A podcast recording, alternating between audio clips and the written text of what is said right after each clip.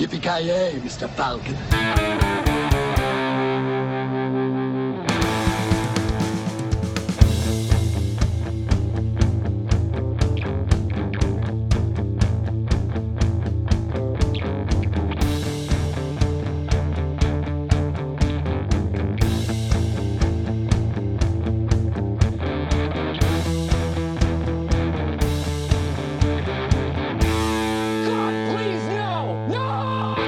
Jajamensan gott folk, hjärtligt välkomna till ännu ett avsnitt av Creative Meltdown Podcast. Ni har med mig Kalle. Eh, Det var Mr Joakim. Och eh, Lina slash eh, Flatabon Vallemo här också. En eh, permanent eh, gäst med andra ord, eh, eller? Jo men visst, då blir vi nästan en ful ovana då att jag är med. Ja, det är bra. Ja, det, Alltid kul att ha med det dig är liksom. nice. Alltid kul att ha med dig. Det Men- roligt att höra. Ja, det, det är bra banter som jag har sagt eh, innan till det, så det, jag, jag tycker om det faktiskt. Det är skitbra. Hur som helst, eh, kära lyssnare, vi har ju då ett litet eh, fullt späckat avsnitt för er den här veckan. Vi har lite veckuppdatering. Sen har vi även eh, kollat på klassikern eh, När lammen tystar. Fan, det känns som jag sa fel där. När lammen tystnar. Så. Jag tänkte så att vi får se till så ni inser att jag sa nog inte riktigt rätt där. Jag men... sa inte riktigt ja. rätt där, men När lammen tystnar där.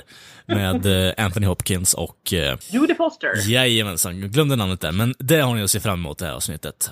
Vi gör i vanlig ordning så att eh, gästen får ordet. Så Lina, vad har du sett i veckan? Hörru du, det är Van Helsing.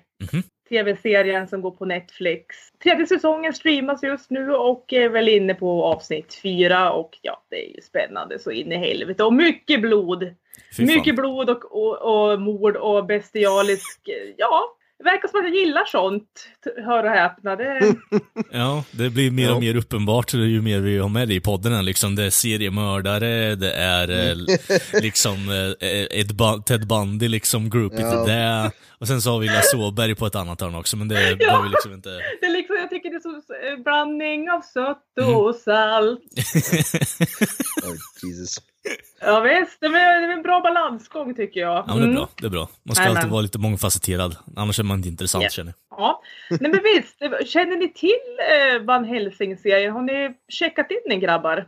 Jag har ju sett den här filmen med Hugh Jackman, tyvärr har jag sett den. Tyvärr. Sen finns det någon, även någon annan animerad serie tror jag som heter Helsing som jag såg på en gång i tiden kommer jag ihåg. Aha, aha. Men förutom det så har jag väl inte Ja. Ja, men den här serien som du pratar om har jag ingen koll på överhuvudtaget. Var den animerad, var den animerad sa du? Ja, det finns en, nej inte den här serien, det finns en gammal äldre som anime som heter Helsing typ eller något sånt där. Okej, okej. Som jag har Mm. sett. Mm. Eh, För det var jävligt länge sedan men. Det är typ samma grundstory tror jag. Ja, men för att svara på din fråga Lina, nej, jag har inte sett den. Jag har faktiskt inte hört om den heller. Jag har ju, eh, likt Mr. Avoya också, bara varit den som varit eh, tragiskt infallen på just filmen med Hugh Jackman. Eh, den är jag relativt bekant Men med. vad är det som gör den så dålig i era Alltså, smaklökar här? Ja, alltså allt. Det finns det någonting som är bra med den här filmen skulle jag vilja säga. Det är ju en sån Men här herregud. klassisk så här uh, usel B-film, typ 2 Nej av men 10 kära ni, kära ni, kära Nu måste jag liksom så här, äh, liksom återupprätta någon slags ordning här för det här är ju en av mina favoriter. Inte, inte kanske toppskikt, eh, topp tre, men ändå en så bra, bra fantasy action-rulle som, ja det är ju samma eh, regissör som ligger bakom Mumien-filmerna och de är ju bra, i alla fall de första två. Trean kan vi ju diskutera men Mumien-filmerna gillar jag men jag gillar inte den, den, den, den filmen. Van Men det är, det är lite samma, jag tycker det är lite liknande stuk ändå på eh, karaktärerna och nej, okej jag, jag ska försöka, jag ska inte försöka. jo, jo, men alltså det är ändå det som är grejen i slutändan. Men alltså vad fan. Jo, alltså jag kan ändå tycka att visst, Van Helsing-filmen, inte för att gå allt för långt ämnet här nu egentligen, men jag tycker ändå att visst när den kom ut och man såg den första gången bara okej, det är halvdålig actionfilm, det är så här typisk sexan-film skulle jag vilja säga. Alltså schlock-action. Och det är så här, visst det finns eh, det finns eh, alltså en tid och plats för det här med, men jag vet inte riktigt. Det är ingenting som var, ah men fan, nu jävlar åker Van Helsing med Hugh Jackman på, på tvn liksom. Ja. Men Det är en sån där film som jag, man ser typ så en gång och sen glömmer man bort den och sen ser man den aldrig igen. Nej men no, wow, wow, Och sen så ställer wow. man sig i duschen och kan inte tvätta bort skammen liksom. Nej, vad i helvete! Ja. Nu blev jag chockad. här trodde faktiskt att det... Jaha, jag är jag är ensam om att gilla den här filmen alltså. Det verkar ju onekligen så. Jag här vet inte, vi får, fråga, prata med Kent, men han är väl den enda som, han gillar ju sån där B-dum action, så han, det är väl ha- störst chans att han kommer gilla den, kanske, men jag vet inte Ja, jag ska höra om han nästa gång. Vad tycker du om han hälsar med Hugh Ja. Ja, du får göra det. Mm, Kent, lyssnar du på det här så DMa mig sen så. En diskussion. yes, men Ja, åter nej, till men alla serien då. eh, om vi ska återgå till det vi egentligen ska prata om, själva tv-serien, så handlar det ju om Vanessa Helsing. Hon är ju en avlägsen släkting till vampyrjägaren Abraham van Helsing. Mhm. Eh, så, så jag vet inte, ska jag dra, i och med att inte ni har sett den här så känns det som att Men det är, bara men det fortfarande, kortfattat. men det är fortfarande så här vampyrjägaraktigt eller? Ja, Okej. exakt. Mm. exakt. Nu drog jag bara synopsisen här så att... eh, Ja, hur ska jag förklara det här på bästa sätt? Utan att det tar 50-11 timmar. Men eh, den här Vanessa van Helsing, hon vaknar upp som sagt på ett sjukhus. Eh, det har gått, hon har legat i koma i några år, ett eller två år. Och eh, under tiden så har det spritts ett virus som gör så att folk blir vampyrer. Va? Så ja, ni vet ju storyn. Och så ska, är ju hennes uppgift när hon vaknar är att utrota vampyrrasen helt från jordens yta så att den mänskliga populationen kan åter få frodas och la la la la la Mm. igen. Men hon stöter ju på mycket motstånd, det gör hon ju. Va? Konstigt vore ju annars. Möter mycket mäktiga vampyrer, olika vampyrarter. Hon eh, har faktiskt en syster också, en tvillingsyster som dyker upp där och hen- blir hennes sidekick i säsong två. Mhm. Eh, och eh, någon marinsoldat det blir en sidekick och ett gäng andra karaktärer också som blir som sidekicks i olika konstellationer. Det är som att de splittar upp och sen återträffas de igen och så splittar de upp och så. Så det, det är väl det det handlar om att, att den här Vanessa eh, ska utrota då tillsammans med sin syster och kompani. Och eh, grejen är att systrarna har ju, har ju själv vampyrblod i sig. Det är klart. Såklart. Eh, konstigt vore det annars. Så att, eh, de, de är ju jävligt stark Mm. båda två. Eh, och eh, de blir starkare när de dricker blod. Såklart. Mm. Det blir som deras De kommer igång då riktigt ordentligt. Eh, så att eh, yes, och superkrafter, superstarka. Eh, och eh, ja, frågan är ju där att är de verkligen helt igenom mänskliga eller kommer de gå över till the dark side? Mm. Mm. Ja, Så att, ja, det, det här är den kortfattade eh, förklaringen då vad den handlar om. Men, men det är jävligt spännande. Va? Just nu tredje säsongen då, då ska de försöka ta ner The Elder Vampires, de här riktigt mäktigaste eh, uråldriga vampyrerna. Eh, som sagt. Och eh, även en gammal Van Helsing kommer att återuppstå. Jag säger inget mer än så. Fy fan. Oh ja, oh ja. Väldigt fräsch för över 100 år gammal måste jag säga, men Jag menar, vampyrer tenderar ju att vara på den fronten liksom i slutändan. Ja. Så. Så att även om det är en Van Helsing så är de ju Jo, väldigt fräsch. Ja, ja. ja, det, det är nog starkt jobbat att hålla sig uppe så fräsch liksom så pass länge. Det är inte många som Ja, kan. hon hon har ju legat i en kista i över 100 år så att det... Alltså det, det, man måste se den tror jag för att hänga med riktigt. Men det, det är en klart eh, sevärd serie faktiskt. Men det är klart det är ju en åldersgräns på, är det 16 plus? Jag tror det. Okej. Jag satt och kollade nu när ni pratade lite om trailern, den ser ju rätt blodigt ut. Ju blodigare desto bättre. Ja, ja men det är, det är ju det. Så är det ju. Man kan ju inte göra en Van Helsing-serie utan blod, det hade ju som varit konstigt. Ja, men, men vissa scener är nästan over the top. Då är det nästan att ah, det där kanske var lite väl häftigt. Till och med att vara jag alltså. Men jag har inte fått några mardrömmar än så länge. Peppar peppar. Jag är lite nyfiken Lina egentligen nu när du sett det så jävla pass blodigt också. Ehm, Mhm. Är det ändå på något sätt koreograferat eller är det så här väldigt down and dirty, alltså grindhouse-stuk på eh, serien i sig?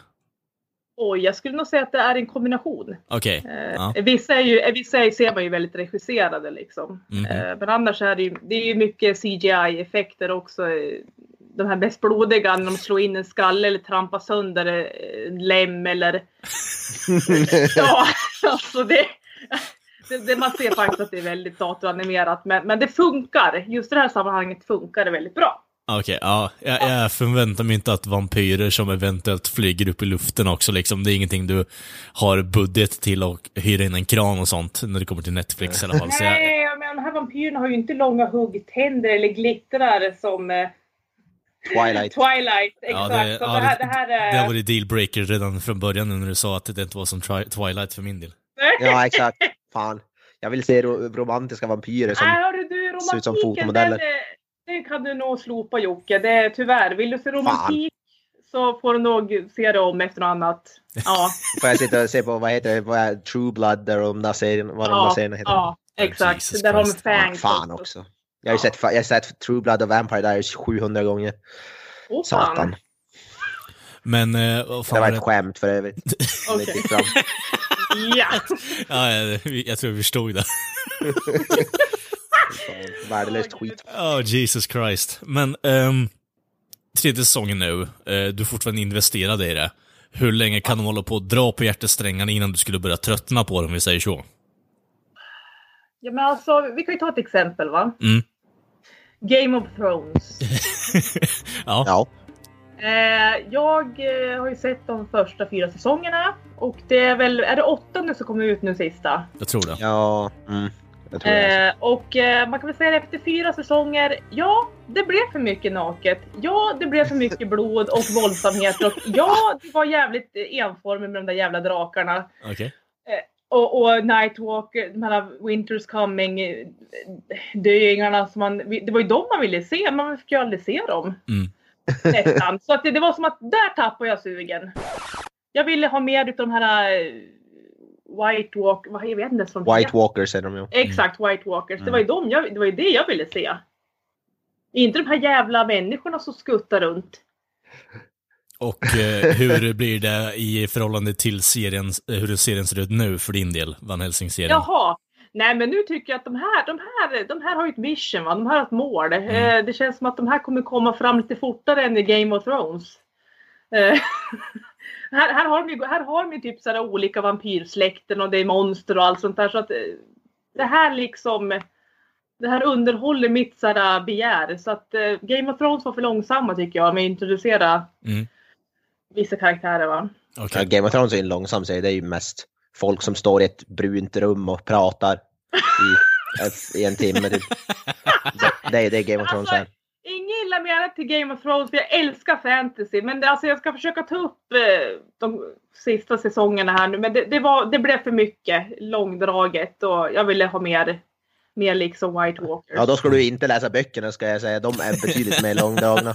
Ja, men just ja, det är böckerna det. Just Ja. ja. Nej, det Jag har läst, jag har, ju, eller jag har lyssnat på alla böcker på ljudbok. Och jag tror den, den sista boken, den var, jag tror jag var kring 50 timmar lång på ljudbok eller något sånt där.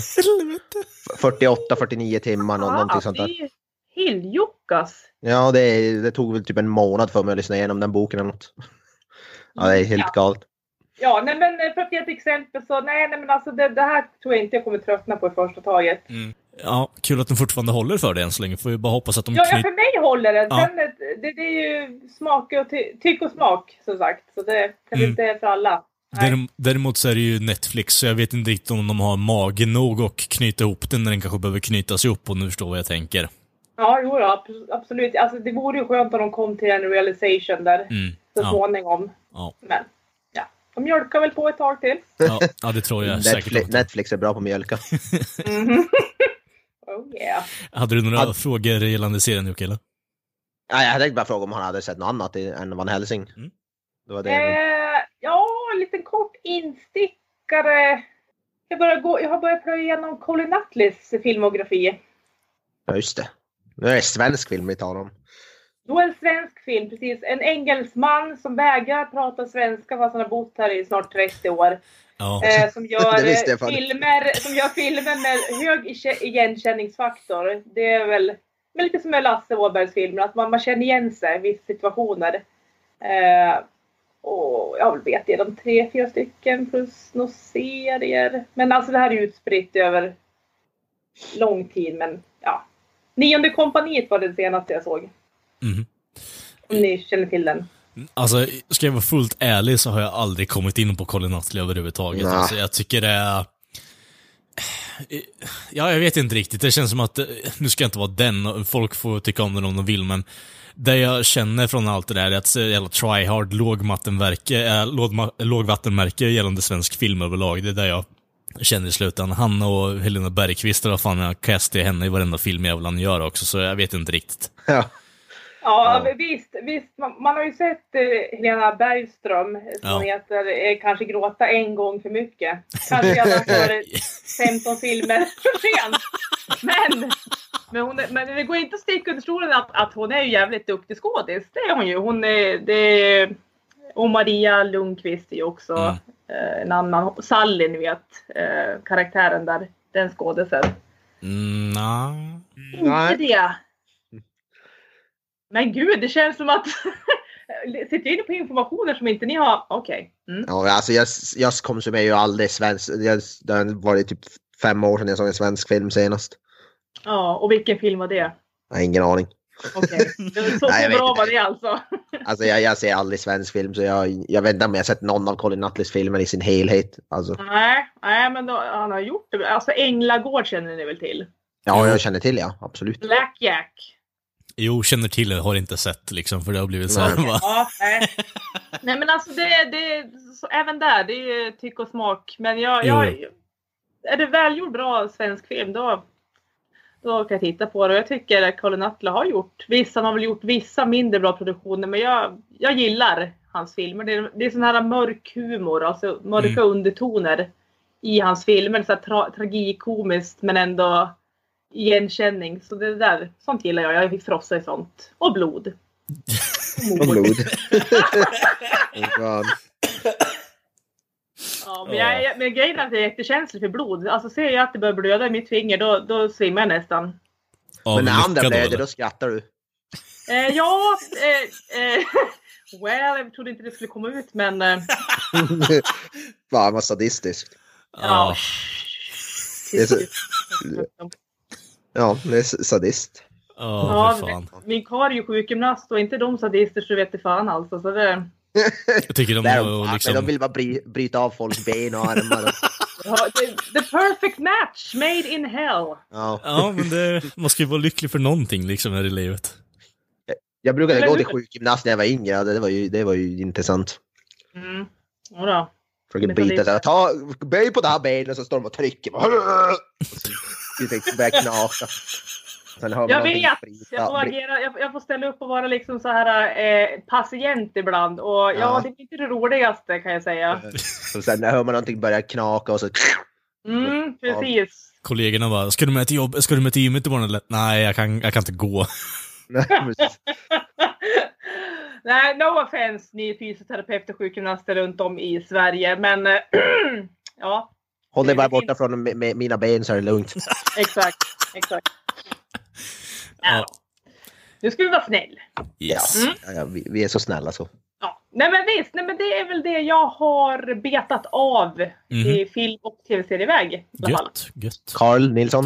Eh, ja, eh, jag har ju då eh, som vanligt, eh, ja, begrundat och, eh, ska man säga, ja, beundrat en eh, viss eh, filmskapare som eh, nyligen har släppt ut del två av en filmserie som jag har pratat om innan. Och det är då Tommy Wiseau slash Greg Sestero som har då släppt eh, Best Fiends Friends Volume 2. Känner du till Tommy Wiseau, eh, Lina, eller?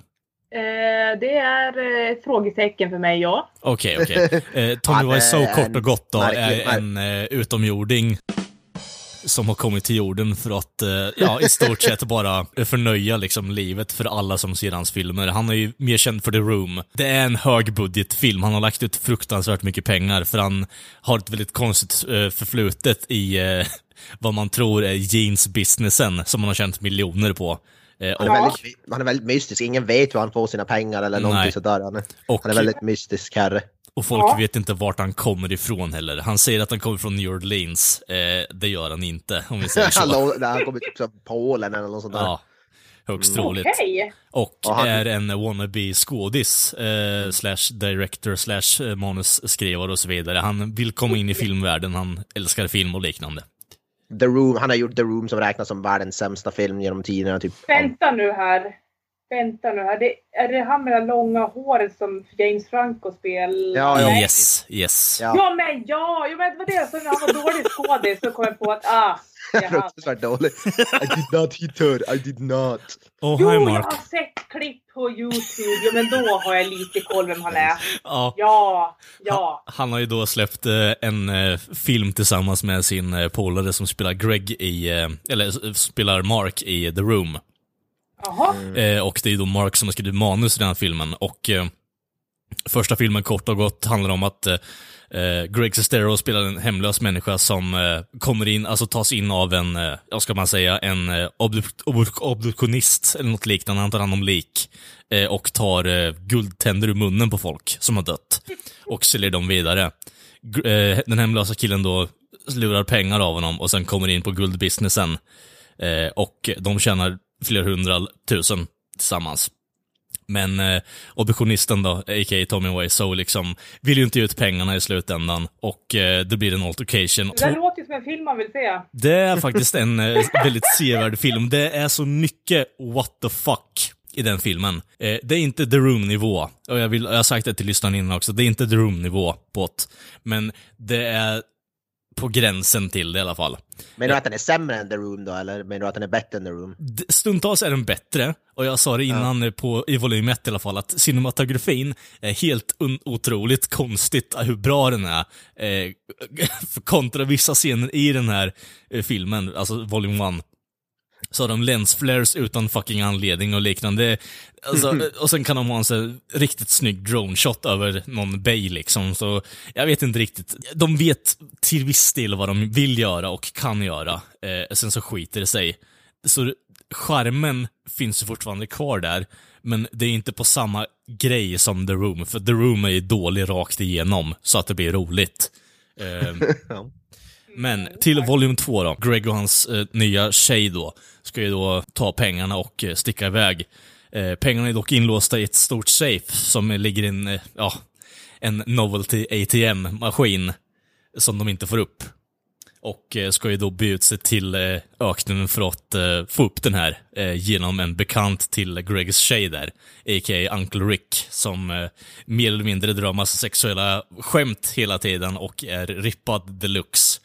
Ehm, den här filmen är ett what the fuck i ett nötskal. Ehm, för ehm, det är så mycket fram och tillbaka. Eh, ja, i- återigen, det här är en film som man definitivt ser med människor som är likasinnade och invävda i The Room, vilket jag gjorde. Eh, och det är ett tag sedan jag har sett den, men jag tänkte att det kan vara vettigt för mig att lufta idéerna och tankarna kring den här filmen. Och jag tycker ändå att på ett sätt så är det en underhållande film, ja. Däremot så är det, håller jag tycker inte den håller samma nivå som Volume 1 eller The Room för den delen. Stundtals är den helt briljant och jag vill ha mer av det. Däremot så känns det som att det blir lite hastigt ihopsatt. Eh, och eh, till viss del så blir det mer bara för att sätta Tommy i bra dagar i slutändan också. Jag kommer inte spoila filmen i, i, överhuvudtaget nu, om folk nu vill se den. Eh, men det här är liksom så här. Det är grade A what the fuck moment film. Eh, och man kommer sitta asgarv åt den och jag rekommenderar den, men man ska faktiskt vara förberedd om man nu tycker om The Room och tyckte någorlunda om Best Fiends Volume 1. Att jag personligen tyckte att det var ett nedköp från första volymen. Eh, hade polare som tyckte att den var klart mycket bättre i och med karaktären eh, Uncle Rick, som då stjäl hela filmen i stort sett. Alltså, han tuggar på allting han ser i gällande scenen överlag. Han är så här, han är i bakgrunden, han är i förgrunden, han är fucking mitt i ditt ansikte och drar massa sexskämt och stundtals slår de till hårt som fan, andra bara okej, då fucking ripped old guy som bara försöker komma in i Hollywood I guess liksom. Men ja, jag kan köpa det liksom. Är det, är det Steven Seagal-klass på det här? För jag menar, Steven Seagal i all ära, men... eh, Alltså, det är ju, inte känd för att vara... Nej, jag, har inte ord. nej, nej men alltså, jag är nyfiken i så fall. Alltså Steven Seagal-klass Det skulle jag ändå vilja säga, alltså, eh, sexan, det är ju, det, Steven Seagal är ju typiskt sexan-film. Och det kan jag ändå, det är ju nästintill det vi pratade om innan med Van, Van Helsing. För jag kan ändå Ja. acceptera Steven Seagal i de typerna av filmerna. De är inte bra för det, men det är ju snäppet över, alltså det är tolererbart. För Steven Seagal är ju en one trick pony, han kan sparkas och slåss. ja.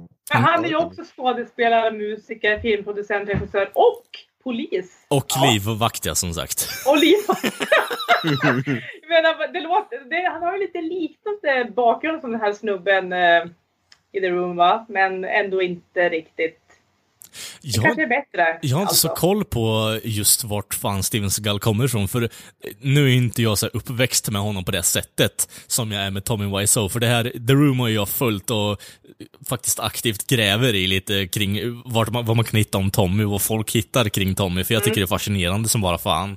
Däremot Steven Seagal är en sån där snubbe som bara, ah, okej han är en 80-90-tals actionsnubbe liksom, mest 90-talet. Men det är ju mer såhär bara, okej, han, han är ingen bra skådis, han ser likadant ut i varenda poster han gör till varje filmjävel han gör också för den delen. Eh, han är full of himself, han hade ett lite såhär halv, jag vet- ja, det var det där du sa att han, han är ju polis, eller hobbypolis ska man väl säga. Och han hade ju ett tv-program där han lärde upp folk om eh, ja, kampsport och skit. Så Ja, ja, ja, ja. Han är från, han är från Lansing i Michigan tydligen. Ja, fy fan. Ja. Jesus. Ja, alltså, jag vet inte riktigt. Steven Seagal har inte den mystiken som Tommy har, tycker jag. Och jag vet inte riktigt. Uh, ponytailen i all ära alltså, men det där uh, Oh my långsläpande... god. Det- Hästsvansen har ett eget liv. Det är lite, Ja. som, Ar- det är lite Ariana Grande och sin ponytail som hon har haft sen hon slog igenom för typ sex år sedan. Så. Om det är familjär med Ariana Grande. Och ja. Ja. Alltså, jag har aldrig hört liknelsen Aria Grande med uh, Steven Seagal, men jag köper den det var en- Det- Det var en liknelse man aldrig Det är trodde man skulle höra. Hästsvansen killar, hästsvansen. Det är det. Det är det rö- röda länken. Mm. Då tar jag alltså. Steven Seagals häst- hästsvans hellre. Ja, jag gör nog fan det. Alltså, den, är, den har hårdare sparkar i slutändan. Men eh, Ja. På tal om Ah. det, fan alltså hästsvansen, den, den var fan inte går man såg alltså. På en... Eh, Nej, men det finns de som sportar fortfarande. Tydligen. jo, Ja. ja. Men eh, i slutändan så har ju det kvinnliga könet tagit över det. Det har ju varit en eh, killgrej till och från i alla fall. Steven Seagal har ju gjort det till en grej. Han har ju varit med om och gjort det. Eh, kollar man på Die Hard för den delen så finns det ju ganska mycket ponytails där också. Så jag vet Ja. inte riktigt. Det är ju en, så här, en svunnen tid. Det kanske är dags för mannen att claima eh, hästsvansen igen. Jag vet inte. Alltså all, allting, allting är ju bättre än man-band, så jag vet inte riktigt. Hästsvans for the, for the win, säger jag. Jag vill, jag vill ha tillbaka ho- hockeyfrisyr. Hockeyfrillan Ja, men fan! den där hoa. Fan vad nice. Jag vill ha hockeyfrilla. Fy fan! Ja, jag ser hemska syner framför mig. Ja, Inte, inte för att jag kan odla fram en, men det är ju en annan sak liksom. ja det, det krävs ju hårväxt för att odla den. Så är det ju. Mhm. Fan vad Yes. nice med hockeyfrill. Mm, nej, Ja. men som sagt, eh, hade inte så mycket annat än eh, Best Fiends volym 2 där. Vi gör så här, Mr. Avoya, du får ju gärna göra en introduktion på eh, dagens recension. Ja, eh, vi har, jag skulle säga att vi är sena på bollen. Det kan man ju lugnt säga att vi är om vi ska, om vi ska se den här filmen som vi ska prata om är väl kanske inte aktuell. Nej, men Den det är väl ju typ ändå 30 en... år Eh, gammal nästan. dels det, men eh, jag vet inte riktigt. En, riktig klassiker i slutändan. Den är ju en av få filmer som har vunnit toppskiktet av Oscarspriserna där i alla fall. Ja, men det vi ska då eh, prata om När lammen tystnar, Silence of the Lambs. You spook easily, Starling? Not yet, sir. He's past the others. The last cell. I'll be watching. You'll do fine. A killer is on the loose. keeps them alive for three days. Then he shoots them, skins them, and dumps them.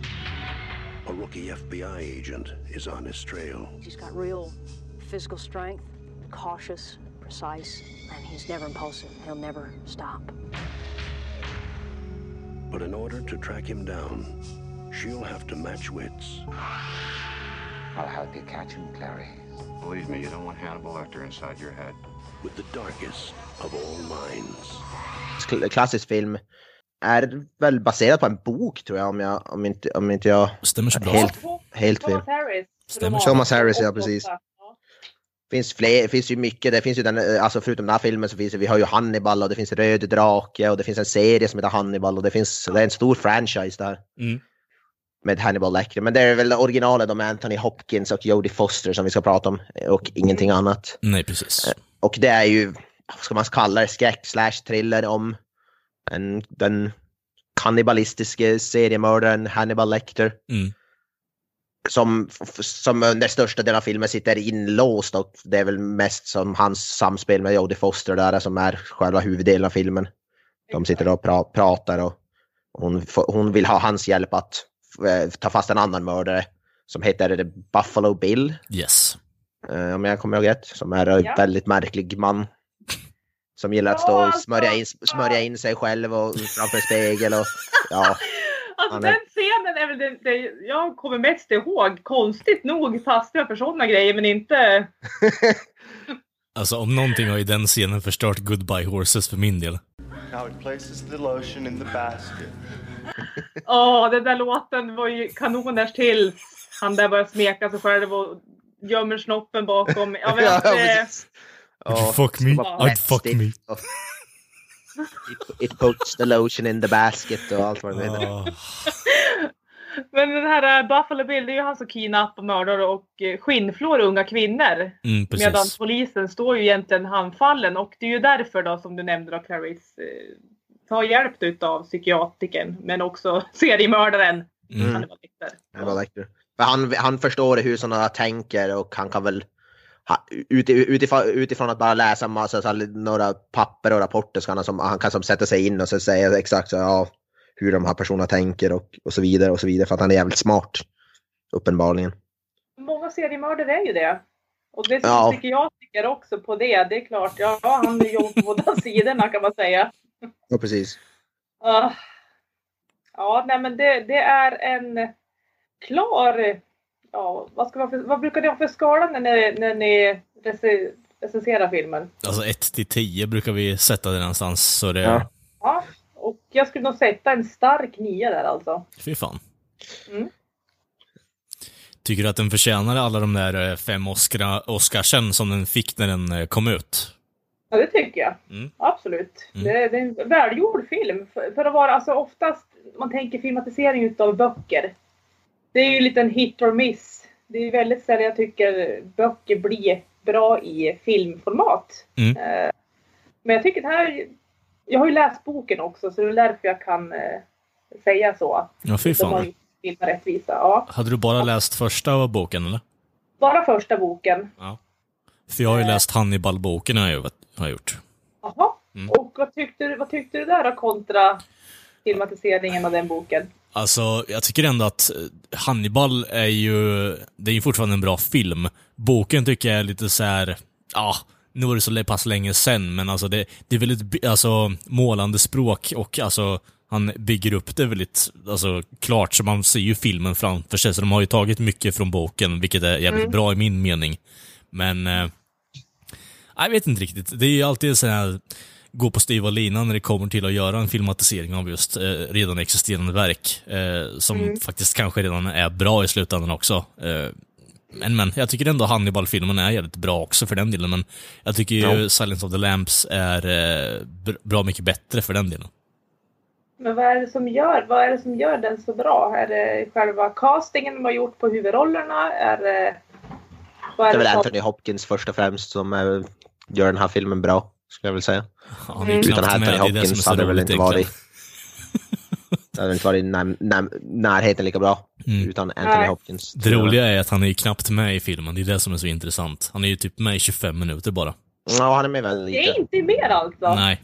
Det är en, alltså jag kollar upp lite information gällande det här, så jag kommer ju sprinkla lite fakta runt omkring den här recensionen, men det är ju den näst, alltså, den, om om man ser till eh, Oscars performances som har vunnit pris, eh, så är han en av dem som ligger i, alltså, antalet minuter in screen time för Oscarsen så är han näst sist på listan i stort sett, gällande den som har Oj. varit med minst. Så han är, ja, jag vet inte riktigt. Det är mycket priser runt omkring i den här filmen faktiskt, så jag tycker det är faktiskt jävligt intressant överlag. Det är en chilling movie. Mm, absolut.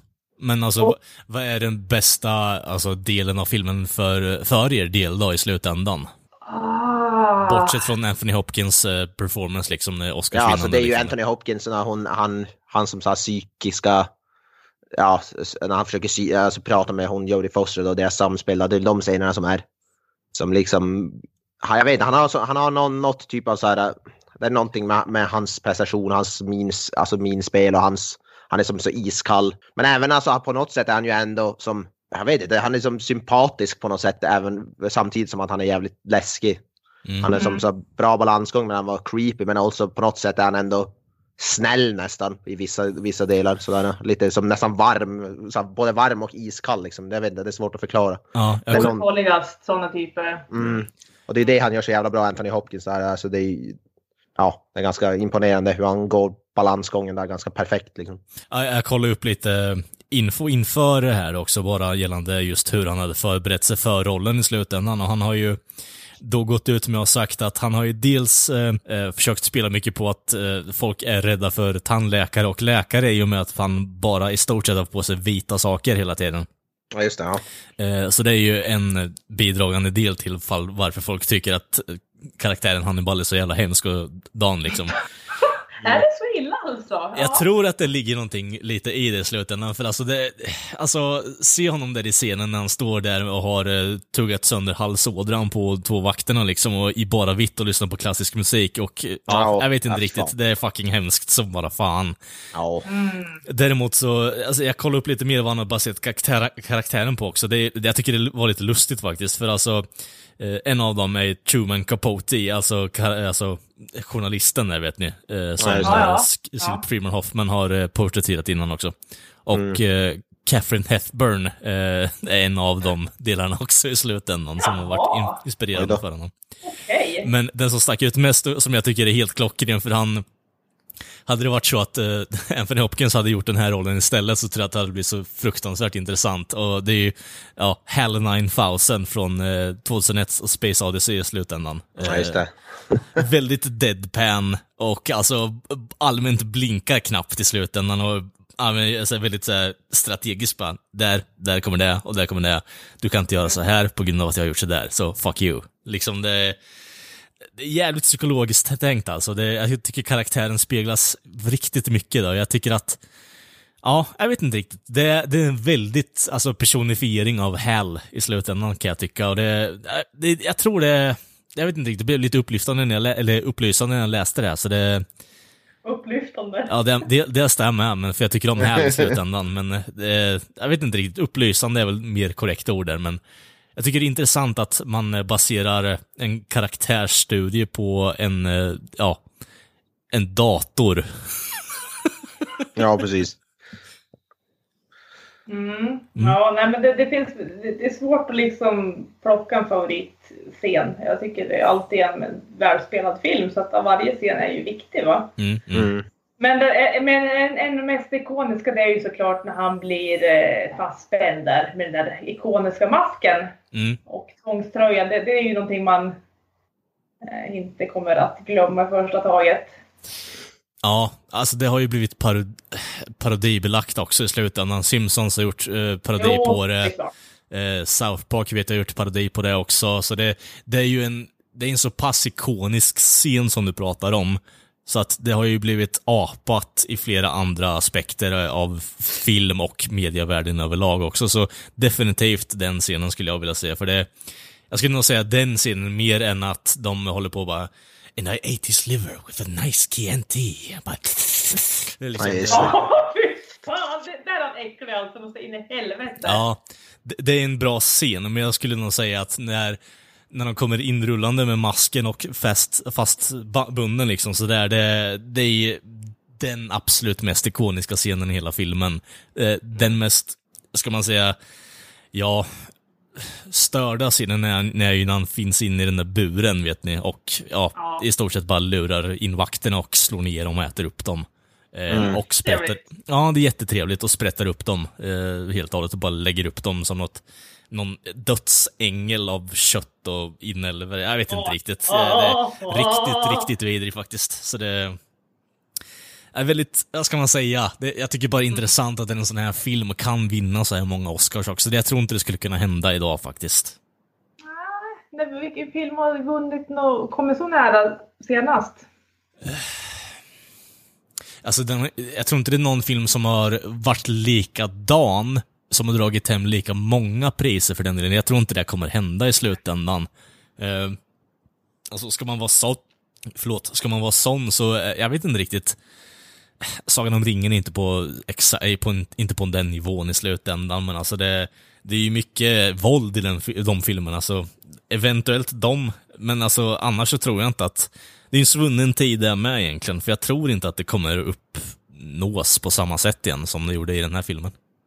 Det ska vara något utöver det vanliga då, i så fall. Alltså det är ju filmer som har vunnit mer Oscars. Det är väl snarare vilken typ av film. Det är väl inte så ofta det vinner såna här... Det brukar ju nu för tiden är det ju bara så här biografier och det är folk som har cancer som, som vinner typ av sådana där grejer. Alltså sådana filmer som handlar om canceröverlevare eller Mm. folk som har varit i ett, något krig Ja. eller något. Det är ju det är ju inte så ofta det filmer om kannibalistiska seriemördare som vinner. Nej, hörru du, vi, vi vidrör ju lite om seriemördare i förra avsnittet, så det här är ju en liten hopknytning precis. av det, kan man säga. Ja. Eh, På tal om seriemördare, eh, jag vet inte om ni har koll på det här, men eh, Buffalo Bill är ju baserat på tre stycken riktiga seriemördare också. Okej, vilka då? Eh, jo, det är ju våran polare Ted Bundy bland annat. Eh, Ja. Big Shocker, Big Shocker. Eh, Ed Gain som är, eh, ja, ska man säga, det är ju så här skinndelen där, a.k.a. Texas Ma- eh, Chainsaw Massacre-snubben Ja. liksom. Ja, ja, Och eh, Gary M. Heidnick, Heidnick eh, förlåt Okej. mig, Mm. som jag inte har riktigt koll på, för jag tror, ja. Ja, nej.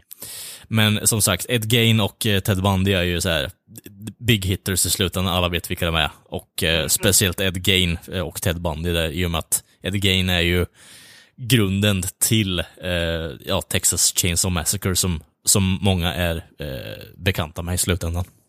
Ja. Oh ja. Mysig, mysig herre. Ja, alltså, vem vill inte skapa ett, eh, ett belt buckle med folks eh, bröstvårtor liksom? Det, Fan vad mysigt. ja, det Ah. känns inte så praktiskt i slutändan om du frågar mig heller för den delen, men alltså det, det kan väl vara lite så här småskärmigt att få det i present. Just när när Hannibal Lecter flyr från den där, den där buren. Ja, precis. Så första gången, alltså jag var ju ganska, jag var ju rätt gammal när jag såg den här filmen, men någonting som slog mig var ju att Chris Isaac, sångaren, spelar ju en av de här FBI-agenterna där. Okej. Eh, och Chris Isaac är en stor idol, va? musikidol. Mhm, mhm. Och har typ många av hans skivor. Ja, ja, jag sa att hade, jag, hade han varit 30 år yngre då hade jag slagit till alltså då, Sorry Danne, men... eh, så det var lite sådär, åh fan, Chris Isaac han agerar också, åh fan. Mm, mm, oh yeah. Så det, det var bara det jag ville säga. Men alltså, vad tycker du om hans performance då? Han, är inte med så jävla mycket egentligen. Nej, han är mest bara där och är snygg, tycker jag. Så att det, För mig var det mest bara som ögongodis. Ja, för Hannibal blir det bokstavligt talat ögongodis. Ja, bokstavligt talat ja. Mm, så att, eh, nej men det, det var lite roligt sådär cameo som man inte hade väntat sig. Ja, men fan fränt. Så han var ju med i Twin Peaks också va? Det har jag fan ingen koll på Jo, jag överhuvudtaget. tror fan men han är det. Ni, ni, ni där ute som lyssnar, ni får rätta mig, men jag tror han är med där också i något. Om jag ser han- ja, nu har jag så dålig koll på hur han ser ut egentligen, för det var så, ja, hur som Ja, helst. ja, jag, jag kollar. El- Elvis och... Eh, ja, Elvis utseendmässigt och så Elvis Costello, typ eh, Roy Orbison röstmässigt så. Okej, ja. okej. Jag har fan ingen koll på vem det är som är, men du har rätt om, han var med i filmen Fire Walk With Me, Twin Peaks. Yes! Så det hade du rätt, det har du, he- det har du helt rätt i. Nice. Och det är även där Roy Orbison, det står He has been called the Roy Orbison of the 1990s. Exakt! Mm. And is often also compared to Elvis Presley, Ricky Nelson and Dwayne Eddy. Så, jag har faktiskt Jag ingen koll, aldrig talat om det. Jag gillar ju att väva in musikaliska referenser också så att eh, Ja, Ja, precis. men det är nice. ja, fint. Men, eh, men... På tal om just eh, flyktscenen då och eh, Hannibals eh, synligen eh, skräckinjagande aura. Eh, kolla upp lite Mm. personliga historier. Martha Stewart, vet ni vilka de är? Eh, vilka, vem Ja. hon är? Eh, Ja. har, har ju du tydligen varit en personlig vän åt, eller från eller till eh, Anthony Hopkins under en längre period. Ja. Och eh, det här slutade ju efter att hon såg eh, filmen. För att hon var egentligen bara... Ja, hon kunde inte t- se någon annan karaktär än hon såg, henne, såg honom efteråt i slutändan. Så hon har ju förstört den vänskapen ganska ordentligt efter filmen. Och bara, nej jag kan inte se det annat än att du äter upp folk i slutändan. Fan alltså. Men är det inte, är det inte så ganska vanligt när någon blir typecastad för just en specifik film och så har svårt kanske, tror folk att han eller hon är så, på riktigt. Men känns inte det som att det är så sjukt konstigt egentligen? Alltså, jag, jag kan köpa att, alltså, att Anthony Hopkins är en jävligt bra skådespelare och, det är trovärdigt och i slutändan så vill man ändå ha åt det faktiskt. Och jag, det är en annan historia som jag såg här också, Jodie Foster har ju liksom varit aktivt rädd för honom under inspelningen för han, ju, han går ju alltid in i sin jävla roll. Och den här Ja, rollen är är så fruktansvärt intensiv så jag vet inte riktigt. Han har ju, på, han har ju under den här inspelningen och i, i filmen i sig så blir det ju så att han gör ju narr av hennes eh, southern accent som hon har på riktigt. Och hon bara eh, vet inte riktigt vad fan hon ska göra åt saken och bara eh, helt förskräckt liksom och upprörd över vad- att det ens tas upp liksom. Men var det inte det Jim Carrey gjorde när han skulle spela den här uh, Kaufman eller vad det hette? Ja, Kaufman är ju speciell alltså. Eh, Andy Kaufman. ja. Mm. Om du har sett dokumentär med Jim Carrey när han spelade Ja, den snubben. jag- jag har alltså, sett. han, han var ju också in character och han, han röt ju upp folk, alltså bokstavligt. Mm. Så jag menar det här med att, att gå djupt in som Anthony Hopkins nu, eller Mm. som Jim gjorde, det är ju... Ja, man är lite sådär, ja men är han sådär på riktigt eller spelar han bara? Alltså, ja, jo, jag förstår ändå hur du tänker alltså. Däremot så, det här blir ju deras bröd och smör i slutändan, så är det så att du inte är en övertygande skådespelare, eh, visst, i och med den här rollen så har Anthony Hopkins förstört lite för sig själv, för det, som alla andra säger, jag förknippar ju honom merparten av tillfällen när jag ser honom, bara oh shit, det är snubben som spelar Hannibal Lecter liksom. Eh, det är inte han som, jag, jag, det är inte, jag tänker inte på hans roll i eh, Citronträd och, och motorolja i slutändan. Eh, Nej. eh, ja! men det är därför alltså, de vinner ju Oscars för sånt där. De, de heter det, ja, lägger mm, all, all sin tid på att utveckla. Det, är- det, alla de, Daniel Day- Day-Lewis är väl känd för att också vara sådär. och ja, Hela, hela vad heter det, inspelningstiden vara sin karaktär liksom. Det är sån här, ja hamna i samma fack sen. Att det blir svårt att, att få andra roller för att du är så förknippad med just den genren eller den rollen. Så att det är som att, nej jag får bara sådana roller nu. Hur ska jag kunna bryta mig fri och komma vidare? mm, mm. Ja, det, jag, tror, jag tror fan det är svårt egentligen, men alltså, jag tycker ändå att dels så blir det så... Det, det är svårt att förklara, men att det, det. Även om de gör ett riktigt bra jobb så har de ju dels gjort ett för bra jobb och gått för in i karaktären, för annars så det blir, som du säger Lina, att man blir typecastad som Hannibal Lecter. Inte för att det är någon dålig grej i och med att du har vunnit priser för det. Däremot så blir det ju lite som Citizen Kane, att du blir, äh, ska man säga, förknippad med en enda grej. Istället för att, okej, du är ändå bra, du är riktigt bra, men det här, du kommer aldrig kunna nå upp till det här igen. Eh, så, ja, jag vet inte riktigt. Jag tycker det är bara taskigt mot Anthony Hopkins, för han är en riktigt jävla bra skådespelare. Men jag tycker ändå inte Anthony Hopkins, han har väl, jag tycker väl aldrig, han, han tycker väl alltid lever upp. Det är inte tycker jag han har som låst sig själv i den karaktären. Jag tycker förutom efter, vad heter det, Salinamen tystnad, jag tycker han är ju bra, alltså han är bra i vad han än gör i princip.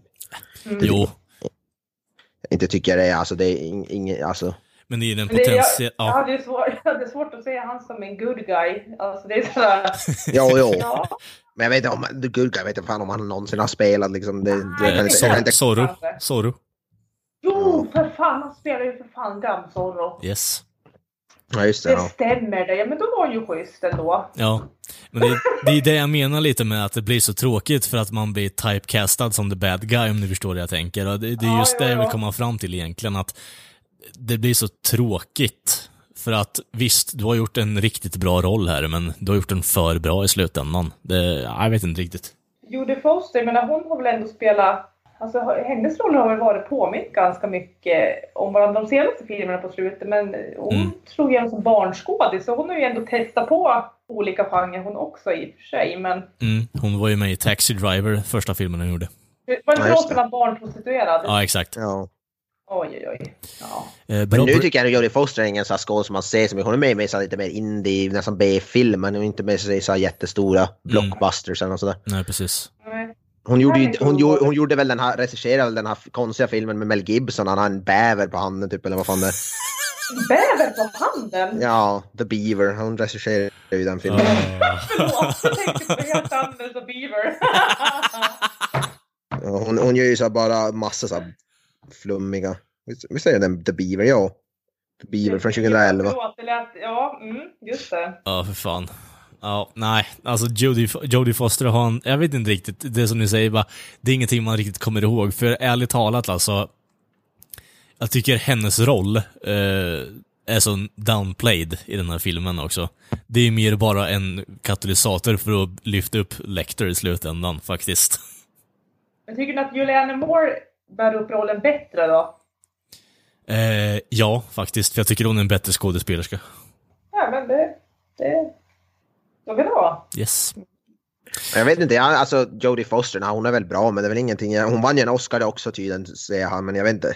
Jo, jo. Inte, inte direkt så att man kommer ihåg henne i den här filmen så Nej, mycket. det är det jag. jag menar, att det blir på något, sätt, nå- på något sätt en stepping stone för att Lecter ska kunna skina ännu mer i slutändan. Och då blir det så här price by association, att bara okej, du var med i Mm. filmen och du, du har gjort din del, så jag vet inte riktigt. Men Och Buffalo Bill-kille, vad, vad hände med han?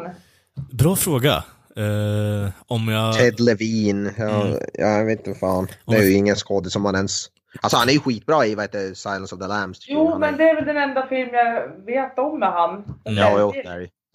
Alltså om jag får säga mitt så vill jag ju se- fortfarande se honom dansandes med eh, ja, Pelle Winkel mellan benen och eh, säga att eh, ja, goodbye horses i bakrunden liksom.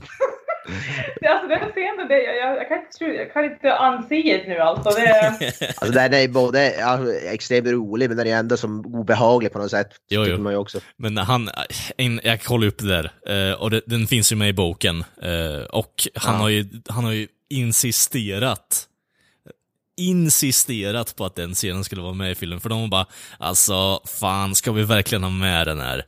Det blir, kommer ju bli så här fucked up liksom. Och han bara, nej men alltså det, det här, det här är karaktärsbyggande deluxe. Vilket det är. ja. Däremot är det fucking goofy as fuck och creepy, vilket gör det till en bra scen skulle jag vilja säga. Ja, men Ja, det är klart, Nu måste man om den är med i boken, det är säkert en stor scen i boken, men jag kan Ja. inte tänka mig att man skulle ta bort den scenen. Det är som bygger upp. Man, jag, tror inte, den. ja, exakt. jag, tror inte, jag tror inte karaktären Buffalo Bill hade varit minst lika creepy och obehaglig om inte den scenen hade funnits med. Ja. Jag vet inte riktigt. Eh, It puts the lotion in the skin eh, basket, liksom. Är, är, är, är, är jävligt bra också för den delen. Men eh, Ja. ska vi dra slutscenen, eh, eller vad känner ni? Vi drar slutscenen. Ja. Eh, inne i huset, eh, Clarice liksom håller på och eh, jagar Buffalo Bill. Eh, nersläckt. Mm. Mörkerse- Mörkseende. Vad känner ni spänningen i eh, scenen överlag? För han leker ju jävligt mycket med henne. Jag, jag tänkte ju säga, jag vill vill få in en bird, eh, bird box. Eh, Ja, men, det- ja. Bara att här får du se liksom alltså, faran. Jag, jag skulle få panik om jag, om jag hade varit i samma sits. Även fast jag var där i yrkesroll som bara Ja. Jag skulle, fy fan vad äckligt alltså. Ja, Oh, alltså det, nej. det, det är någonting med lite så här found footage material typ blir det i slutändan för han har man ser ju honom genom så här eh, night vision goggles och hur han leker med henne och bara håller på att ta den på håret och skit och åh. Ja, men fy fan. Åh! Sen, eh, men sen, hon, har, hon tar ju och skjuter ju, alltså hon har ju bara tur för han, hon, vad är det, hon hör det här klickandet från hans pistol typ och så vänder han sig om och så bara...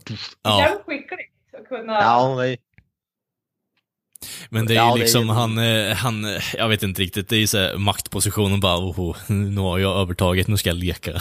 liksom. ja, precis. Men, eh, det, jag, jag tycker det är så bra porträttering överlag och, av Buffalo Bill för den delen, för det är ju så här, det man får ut av vad seriemördare gör, att när de väl kommer till en position där de har gjort det typ 15 eller 16 gånger eller whatever the fuck, när man känner sig bekväm okej okej jag har mördat så här många, eh, det kommer gå bra här nu. Och jag kan till och med göra det med lite pizzazz. Eh, och det är ju lite där hela scenen går ut på bara, okej jag har typ 50 lik här hemma i mitt hus, vad ska du göra åt saken? Det är helt nedsläckt, jag ser dig här. Jag är precis bakom dig, du märker inte ett skit. Nej men alltså, ja man, undrar, vad gick snett i Buffalo Bills liv alltså? Ja, vi får göra en dokumentär på Buffalo Bill här. Eh, Ja, man får väl inte veta så mycket bakgrund på Buffalo Bill i filmen.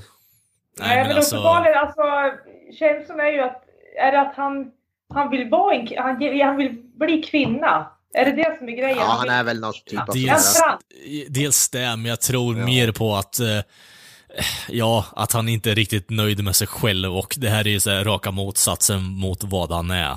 Eh, och det är lite det han vill ut efter och det är ju därför han på något sätt ja, snittar upp folk och kvinnor främst kanske Ja, och tar deras och gör en kroppsdelar. direkt utav det. Ja, exakt. Eh, så det är ju mer bara transformeringen om du förstår vad jag menar. Men alltså det, Ja, jo. Jo, ja, men det, det är sinnessjukt och det är inte så här riktigt det man ska gå ut efter om man nu vill förändra sig själv helt och hållet. Men det, är ju en film och det är en seriemördare vi pratar om och det jag tror det är bättre i slutändan också för alltså ju mer ovisst det är kring karaktären, desto bättre blir det. För då får man liksom säga okej, okay, dra egna slutsatser och det är då det blir mer creepy när man bara okej, vad ni är här ute i det mörka och han, eh, han vet vad han vill men han säger inte ett skit. Ja, nej, men summa summarum då. Det är jävligt creepy men också väldigt bra film. Eh, Så här Ja, ja. nästan Ja. 30 år senare. Mm. Den håller än. Alltså, den är, det är en sån här film som inte blir gammal. Den har ju inga sådana specialeffekter någon som riktigt kan bli gamla som många av gamla filmer kan. Den har ju ingen CGI eller någonting som föråldras liksom. Så den, den kan ju liksom inte bli gammal. Den kommer ju alltid kännas bra och ja, aktuell höll jag på att säga. Men alltså den kommer ju alltid kännas fräsch så att säga. Jo, Li- Lina satt en 9 av 10. Jag skulle väl skriva under. Det är, väl, det är ju nästan perfekt film. 9, 10 av 10 nästan. Det är ju Mm. det är en fantastiskt bra film. Det är väl ingen, ingen som kan säga något annat höll jag på att säga. Nej, faktiskt inte. Och, äh, ja, ja, ja, det är vissa skavanker här och var med filmen och Jodie Foster är en del av det skulle jag vilja säga, men alltså det, det är definitivt en stark nia. 9 av 10. För min del också. Yes. Jajamensan gott folk. Då har ni lyssnat på ett avsnitt av Creative Meltdown Podcast. Eh, Ni hittar oss på sociala medier som Facebook, Twitter, Instagram och YouTube. Finns även på Spotify för er on the go, så att säga. Vi har ju vår egen hemsida också som heter creativemeltdownpod.wordpress.com. Det kommer upp lite fräna recensioner och checka referat där också. Eh, ja, eh, vi syns ju och hörs som sagt nästa vecka. Jag vill bara passa på att tacka Lina för ännu ett inhopp här. Jättetrevligt. Ja, men det är ju all, alltid nöje alltså. Fy Mm. fan vad roligt. Vad roligt ja. Jag vet inte om det Ja, var... jätteroligt. Jag vet inte om det var sarkastiskt eller om det bara Det låter var som, vad extremt... heter Jo, hon men den det här... är äh, det är farbror Barbro här. Är perfekt Jag- av ljud. med. Jag trodde det var hon från Hollywoodfruar eller vad den heter. Hon Ja, den här. Maria, Montazami. Montazami, ja, ja precis. Ja, jo men det, det är nästan samma. Åh fan, nu kan, jag, nu kan jag inte sluta höra farbror Barbro varje gång jag ser henne. Tack för den Lina. Nej då. Kommer Ja, det? men det är jättekul. All, alltid ett nöje och vi får se om det blir mer blod eh, att prata om nästa gång. Det tror jag nog. Ja, ja. Men, som sagt, eh, avslutande ord gott folk, har vi det? Vad sa du? Jag försökte göra en Anthony Hopkins. Ja. ja, nej, men och, och bilen går bra. Ja, precis. Nu ska jag gå och avnjuta en, en fin Chianti och, eh, med en sida av människohjärna. Oh, och jag ska fortsätta kolla på Vampyrdödande. Alltså, det blir fantastiskt kul Ja. Nice. Jag ska... Och du, Kalle, då? Jag vet inte riktigt. Jag kanske plinkar på gitarren ett tag. Får se lite. Det låter ju lite min... Lite vettigare, ja. Ja, jag Ja. vet inte riktigt. Ah, du ska bör- ah, skitsamma, vi behöver inte dra på den punkten. Men som sagt, vi hörs. Ha det bra. That's it, man. Game over.